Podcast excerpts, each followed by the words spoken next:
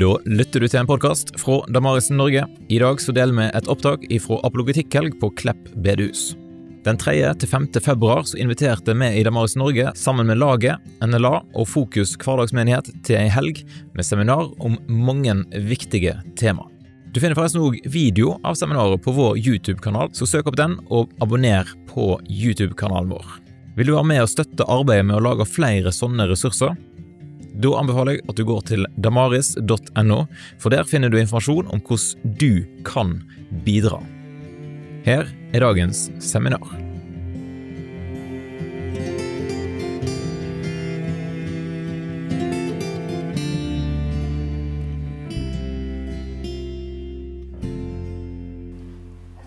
Takk eh, for muligheten til å dele noen refleksjoner sammen rundt temaet kristen skapertro.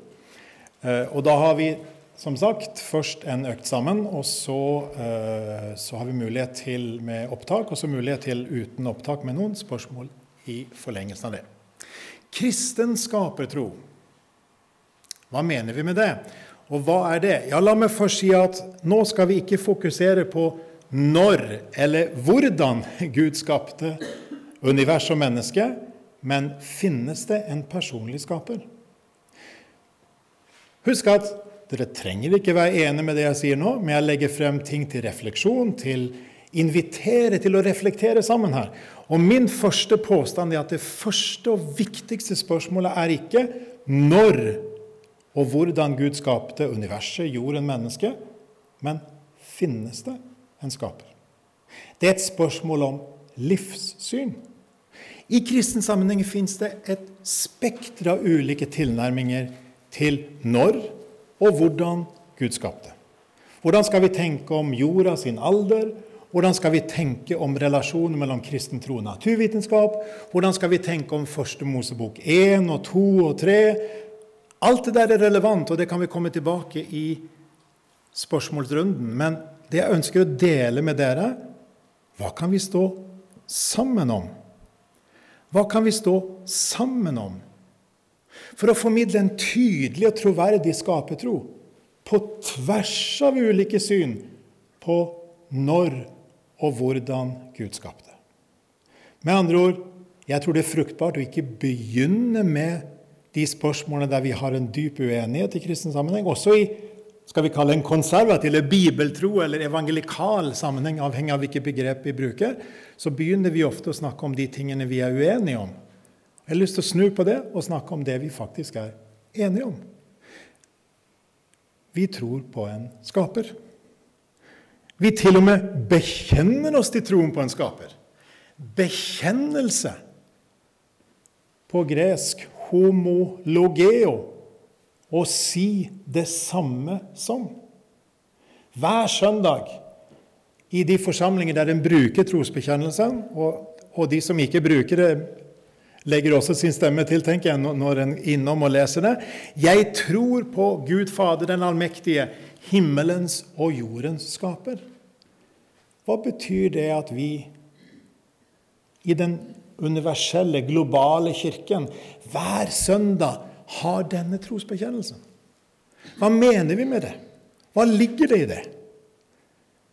Så tok jeg et nøkkelord fra Romerbrevet 11 Vet ikke om dere har lagt, lagt merke til det ordet. Det er på en måte et kort, lite ord, men utrolig innholdsrikt. For fra ham og ved ham og til ham er alle ting. Er det egentlig behov for å si mer da? Ja, kanskje det. Behov for å reflektere sammen over hva som ligger i det. Og Jeg har lyst til å ta utgangspunkt først i dette fra og ved og til ham. Hva betyr det for det første? Hva betyr kristen skapertro? Fra ham er alle ting. Det betyr at det første er ikke kosmos. Det første som eksisterer i hele virkeligheten, det er ikke kosmos. Det er Gud. Gud er der. Før, og egentlig når vi bruker ordet 'før', er det rart, for Gud skapte også tiden. ikke sant? Så før vi kan snakke om før, før tiden er skapt, så er Gud der den treenige Gud er. Før tid, før rom, før materie. En av de som har preget mitt syn på kristen tro veldig dypt, det er Francis Schaefer, en kristen trosforsvarer som, som startet den såkalte labri-bevegelsen. Han sier en plass at det er ikke sånn at jeg kan forklare hvordan det er mulig at Gud samtidig er Far, Sønn og Hellig Ånd. Det er et mysterium for vår tanke fullt ut. Men hvis Gud både samtidig er Far, Sønn og Hellig Ånd, så betyr det at før noe annet er, så er Faderen, Sønnen og Den hellige ånd. Det betyr at før noe annet er, så er det en personlighet i universet. Dvs. Si, før universet, i virkeligheten. ikke sant? Det er en personlighet som er der. Et fellesskap mellom personene i treenigheten. Det er en kjærlighet. Husker dere Johannes 17, f.eks.? Faderen elsket meg før verdens grunnlov ble lagt. Det er hellig grunn, er det ikke det? Vi kommer inn og oppdager, eller gjenoppdager, før noe annet er Gud. Ikke som en flat person la Allah. For Gud er treenig. I sitt vesen er det fellesskap. Har han fellesskap? I sitt vesen er det kjærlighet. Gud er kjærlighet. Dette er for meg en viktig grunn til at jeg er kristen. At Gud er den første på banen før tid. Før Gud skapte tid, før Gud skapte rom, før Gud skapte materie. Men ikke bare det. Ved ham er alle ting. Det vil si, Gud er skaper av alle ting. Vi kan bare tenke oss på makrokosmos. ikke sant? Her er det så vidt det er interessant at akkurat der var det et hull. Det svarte, vi har jo svarte hull i universet òg, det passer jo godt.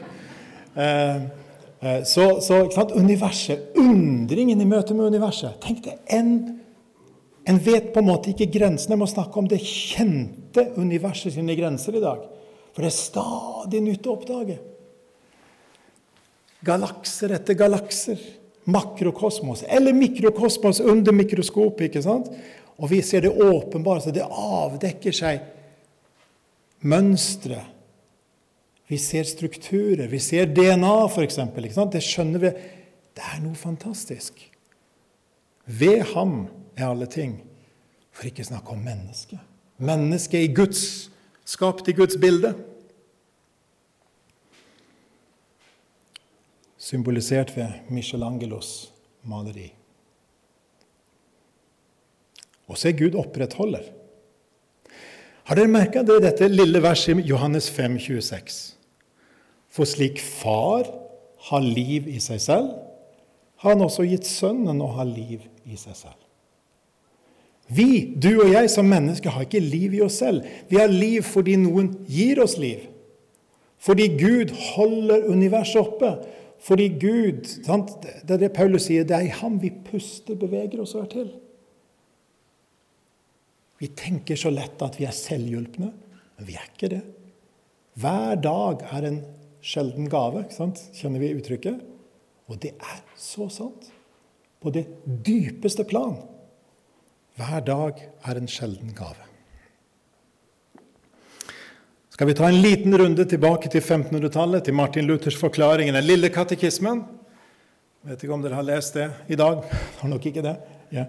Men jeg tror at Gud har skapt meg og alle skapninger. Han har gitt meg legem og sjel, forstand og alle sanser. Han holder alt dette ved lag og gir meg hver dag det jeg trenger for å leve. Det er litt av en bekjennelse. Her bekjenner vi vi er ikke selvhjulpne. Vi er avhengige av Gud, som skaper og opprettholder. Og dere vet sikkert at Luthers lille katekisme var jo ment å være for opplæring i kristen tro. Da mente altså, mente, altså, eh, eh, mente Luther her? Martin Luther mente at det var nødvendig at en lærte dette om det at Gud skapte.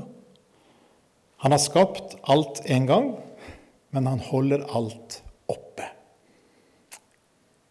Fra ham og ved ham og til ham er alle ting.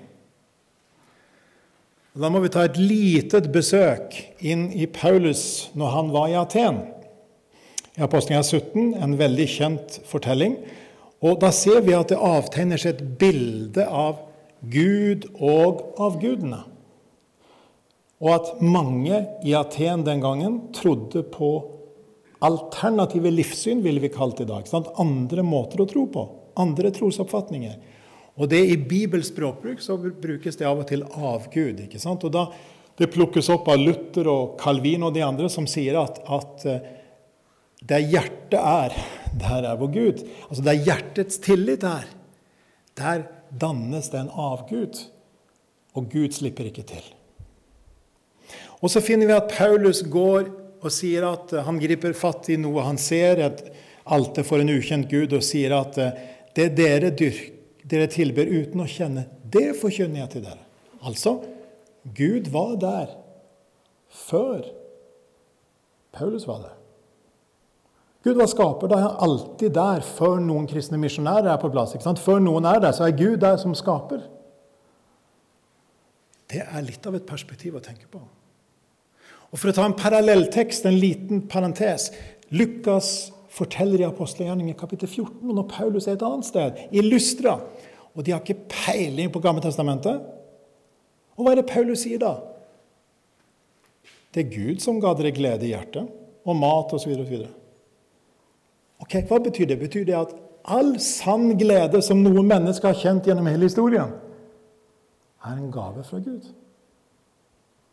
Det er ikke sånn bare at det kristne når kristne kjenner glede, bare det som er en gave fra Gud. ikke sant? Men all sann glede gjennom hele historien som mennesket har kjent, det er en gave fra skaperen og opprettholderen. Som er på en måte et kontaktpunkt inn i vårt liv. Vi snakker av og til om det ondes og lidelsens problem, men vi kunne også snakket om gledens problem. Hvor kommer gleden fra? Og så sier Paulus han har skapt alt. Og om han har skapt alt, har han også autoritet overalt. Så det er Gud som skal ha æren. To God be the glory. Det er en kjent sang. Det er Gud som skal ha æren. Til ham er alle ting. Det betyr altså at han har rett på alle ting. Jeg liker formuleringen på engelsk. Sant? Livets opphavsmann har copyright over livet. Sant? The author of life has authority over life. Dere vet Hvis en musiker har skapt en, noe, så har den musikeren låtskriveren f.eks. copyright til den, den, den låten. Hvis en forfatter har skapt en bok, så har han copyright til den. På samme måte kan vi si at Gud har opphavsretten til hele universet. Det betyr at til ham er alle ting. Det er han som skal ha æren. Om vi så åpner Bibelens første bok, første Mosebok 1, så finner vi i begynnelsen skapte Gud himmel og jord. Vi finner fortellingen om de seks dagene og den syvende dagen når Gud hvilte. Og helt uavhengig av hvordan vi forstår disse dagene, så vet vi at budskapet, uansett hvordan vi måtte sammenholde den teksten og naturvitenskapen, dreier seg om at teksten avviser tre livssyn. Deisme, altså at Gud skapte en gang og så trakk seg tilbake. Nei, Gud er både skaper og opprettholder, og også historiens herre. Teksten avviser også panteisme, at alt skulle være gjennomfylt og strømmet av, av, av noe, en åndelig kraft. Nei, skaperen er her, skaperverket er der. Det er forskjell mellom skaperen og skaperverket. Det er ikke mange guder. I kulturen rundt var solen, månen, stjernene De var guder. Og Et av poengene til første Mosebok er i hvert fall å si at de er ikke guder, men de er skapt av den allmektige, gode Gud. Og Jeg har tatt med her en, en henvisning til en av de dyktigste gammeltestamentlige forskerne jeg vet om, som heter C. John eller Jack Collins. Og En av hans viktigste bøker er å lese Første Mosebok skikkelig bra, eller på en god måte og grundig måte. 'Reading Genesis well'. Og Der viser han også at det er ikke bare at, krist, at bibelskapertro avviser disse livssynene, men bibelskapertro er helt nødvendig for oss for å forstå Jesus. Hvordan kan vi forstå Jesu undre? Hvordan kan vi forstå Jesu oppstandelse hvis ikke vi har Gud som skaper, opprettholder som utgangspunkt? Et menneske kan ikke, reise, kan ikke stå opp fra de døde på en naturlig måte. Det, det, sier seg selv, det vet vi av egen erfaring. Mange av oss har møtt døden og kan bekrefte at sånn, det skjer bare ikke. Men himmelen som jorden skaper kan i sin visdom og kraft oppvekke sin sønn, reise opp sin sønn fra de døde, hvis han er skaper av universet. Hvis han har skapt Big Bang, hvis da Big Bang skulle være den beste forklaringen som vi har i dag, som mange vil si Den kraften reiste opp Sønnen Jesus Kristus. Så kan vi reflektere videre og si at Bibel skaper tro. Hva mener vi med tro? Ja, Philip Melanchthon på, på 1500-tallet, som var Martin Luthers nærmeste medarbeider, sier mange, han sa at tro kan bety flere ting. Tro kan bety det vi tror på, altså kunnskap. Tro kan bety at vi holder noe for sant. Jeg tror på det og det. Og tro kan bety det indre, den personlige, den frelsende troen.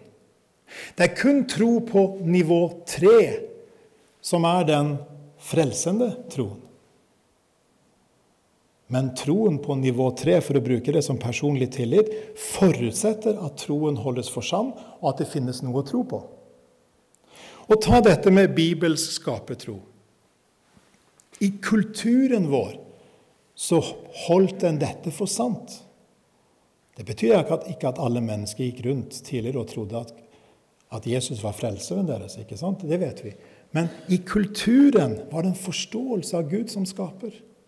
Det lå underforstått, lå som et premiss i kulturen, denne troen. En allmenn forståelse av det. Den har vi ikke i dag. I dag kan ikke vi Vi vet fra opinionsmålinger fra egne erfaringer sant, at dette kan vi ikke forutsette lenger. At den har denne verken kunnskapen og hva det vil si å tro på Gud som skaper, litt av det vi har sagt så langt, eller at den holder det for sant. Nei, det er andre alternative livssynsforklaringer. Sekulære de ofte, er, de ofte, eller noen ganger religiøse, som holder fast.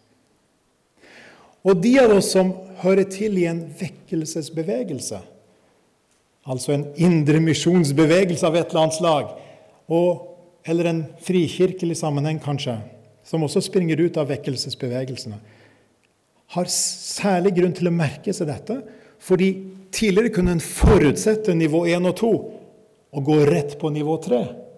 En kunne gå rett på spørsmålet tror du på Jesus, eller tror du på Gud som skaper. I dag kan vi ikke uten videre gjøre det hvis ikke folk har en veldig tydelig og sterk kristen bakgrunn.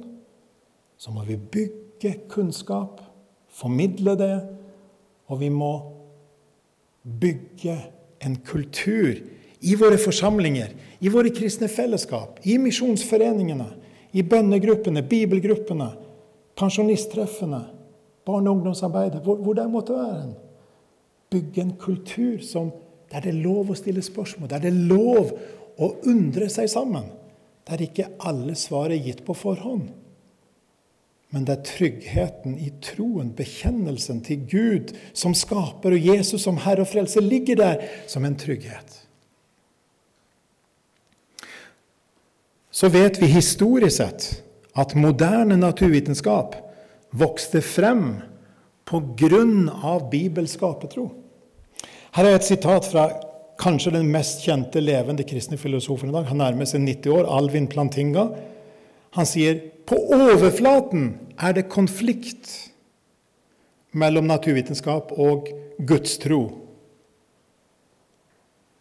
Men På dypet er det samsvar.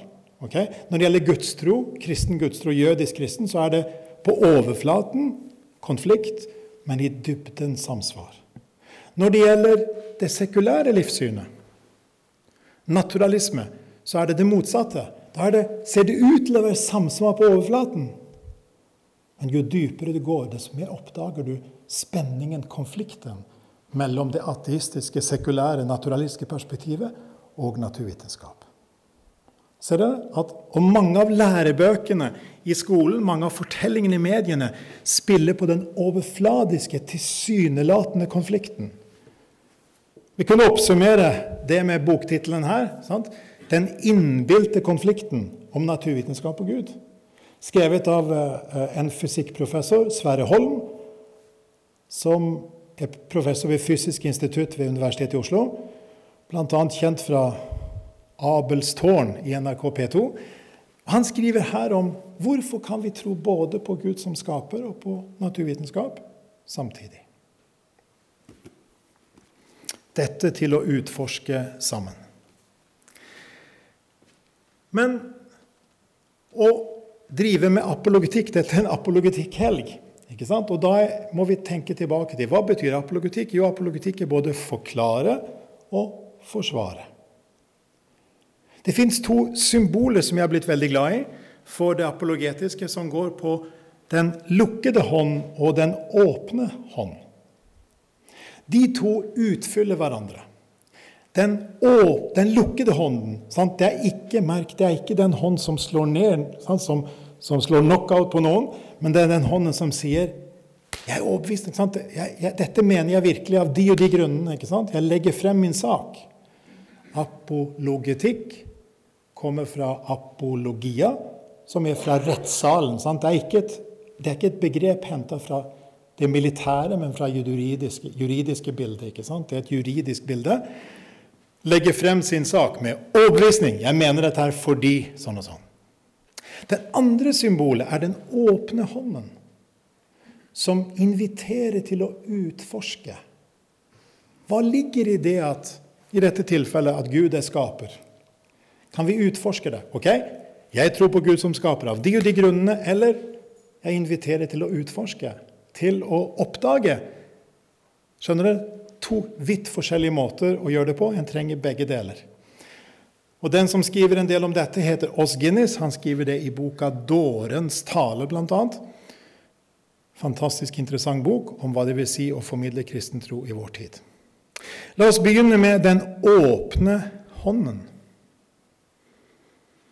Hva betyr det i forhold til Bibels skapertro? Det betyr at vi kan invitere folk til å undres sammen med oss. Og til å utforske det vi kaller skaperverket. Her er det kjempeinteressant. Ehm, et begrep, et uttrykk henta fra en, kristen, veldig kjent sosiolog som heter Peter Berger, som snakker om 'signals of transcendence'. Signaler. ikke sant? Vi vet når vi mottar signaler, at det, det, det er noe som får oss til å tenke er det noe her? Eh, og transcendence betyr hinsidighet. Altså, har Gud lagt ned noen tegn, noen pekere, kan vi si på norsk, til seg selv? Her er fire slike pekere. Naturens skjønnhet. Kan du tenke deg på et, en fjelltopp? Se ut over et fjellmassiv. Naturens skjønnhet. Eller opprinnelig svensk. Jeg må jo skryte litt av Sverige av og til òg. Eh, hvis jeg tenker skjærgården en sommerdag utenfor Stockholm. Nesten like vakkert som norske fjell. Nesten. Norske fjellnatur. Naturens forståelighet, det at vi faktisk kan forstå naturen. Det er ingen selvfølge. Hvordan kan vi det? Og vi kunne lagt til matematikken som system. Både strukturen og skjønnheten i matematikken, vil f.eks. en matematiker som John Lennox si. Det at naturen er fininnstilt, finstemt, at tingene henger sammen. Det er interessant. Den mest innbarka ateisten som finnes i dag, holdt jeg på å si, um, Dawkins nyateist kalt. Til og med han snakker om at det er tilsynelatende design i naturen. Altså, det ser ut som design, til og med for han. Veldig interessant. Og så ikke minst menneskets storhet og menneskets særpreg. Ta Salme 8, eller Salme 139 sant, i, i Salmenes bok, som snakker om menneskets underfullhet som Guds skaperverk. Ser dere poenget? Vi kan invitere til å utforske. Invitere til å spørre andre ja, hva tenker du om dette. Hva tror du på? For min del tror jeg på Gud som skaper. Og det gir mening å ha en samtale rundt dette. Den knyttede hånden, det er argumentene. Det er på en måte formuleringen av ulike slags argumenter. Og her har jeg hentet inn tre personer som eksempler. Alvin Plantinga, William Lane Craig og Richard Swinburne. Tre som nå er seniorer, som har skrevet utrolig mye om dette. Og i filosofi som fag i dag så er det snudd til også å bli en åpning for å snakke om Gud og Guds eksistens, fra å ha vært lukket i mange år. Av disse tre og mange andre med de. Argumenter med overbevisning til utfordring. Og Argumenten kan dreies om en rekke ting. Den kan dreies om hvorfor begynte alt en gang? Som noen av oss delte litt tidligere. Hvorfor snakker vi i dag om at det er en begynnelse i universet? Ja, det peker på en skaper. Da finner vi at folk som ikke tror på Gud, prøver å finne alternative forklaringer. For det, da rykker Gud nærmere, tydeligvis. Vi har allerede nevnt universets fininnstilling. At de ulike tingene samvirker, samspiller på en slik måte at det er et samspill og et samarbeid. Moralens forankring. Hvorfor er vi forplikta på det som er rett, og ikke det som er galt? Finnes det noe dypere i virkeligheten som forplikter oss på det som er rett og sant og godt? Hvis det gjør det, og mange mennesker mener at ja, det fins virkelig noe som er godt F.eks. rasisme. Er det alltid galt? Det sies i vår kultur i dag. Men hvorfor er det galt? Det må jo ha å gjøre med menneskets verdi. ikke sant? Og hvordan begrunner vi menneskets verdi? Jo, dypest sett er den eneste gode nok begrunnelsen dypest sett er at verdien er utenfor oss, hos en Gud som har skapt oss til Guds bilde. Menneskets storhet, menneskets særpreg. Hva med det faktum at de aller fleste mennesker verden over synes å leve i kulturer fortsatt, hvis en tar vekk Vesten, Vest-Europa og USA, der de fleste tenker at nei, det er nok et eller annet religiøst der. Selv om det sekulære gjør innpass mange steder i verden, så vil mange mennesker umiddelbart ha en religiøs forklaring. Enten vi går til Asia, Afrika, Latin-Amerika. Hvordan skal vi forklare det? Og hvordan skal vi forklare Jesus uten en skaper? Ja, da vil vi bli stående uten en forklaring.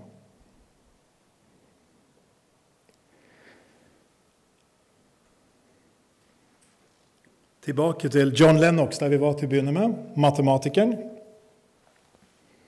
Nå har jeg prøvd å tegne opp for dere et felleskristent grunnlag, bekjennelse der vi tror på Gud som skaper. Hva betyr det å tro at fra ham, ved ham og til ham er alle ting? Hva betyr det å tro på, bekjenne seg til, at Gud er himmelens og jordens skaper? Hva betyr det å tro at Gud skapte alt, holder alt ved like? At mennesket er det ypperste av Guds skaperverk? Kan dette gi oss et grunnlag for å snakke sammen som kristne om universets skapelse, om alderen på universet, alderen på jorda, om menneskets skapelse, om relasjonen mellom kristen tro og naturvitenskap, om hvordan vi skal forstå Første Mosebok. Jeg tror det. At vi ofte tror jeg vi trenger å minne hverandre på det er mange ting som vi står felles om hvis en ønsker å ta Bibelen på alvor, på tross av, på tvers av, ulikheter i ulike perspektiver. John Lennox har et spennende utsagn. I motsetning til ateister har vi som kristne frihet til å utforske ulike muligheter. Og Han sa det spesielt i relasjon til evolusjon. Han sa at ut fra ateisme så må det være evolusjon i absolutt breiest og videste forstand. Som kristne så er vi frie til å utforske ulike alternative oppfatninger og legge de ulike ved siden av hverandre og si den mener det, hvorfor gjør de det? Den mener det, hvorfor gjør de det? Osv. Og, og da gir bokbordet her ute rikelig anledning til å utforske det hvis hun ønsker det videre. Kristen skapertro, det er en bekjennelse. Det er et livssyn. Det gir en ramme, og innenfor den rammen har vi ulike forståelser. Men det hører til i et annet seminar. Takk.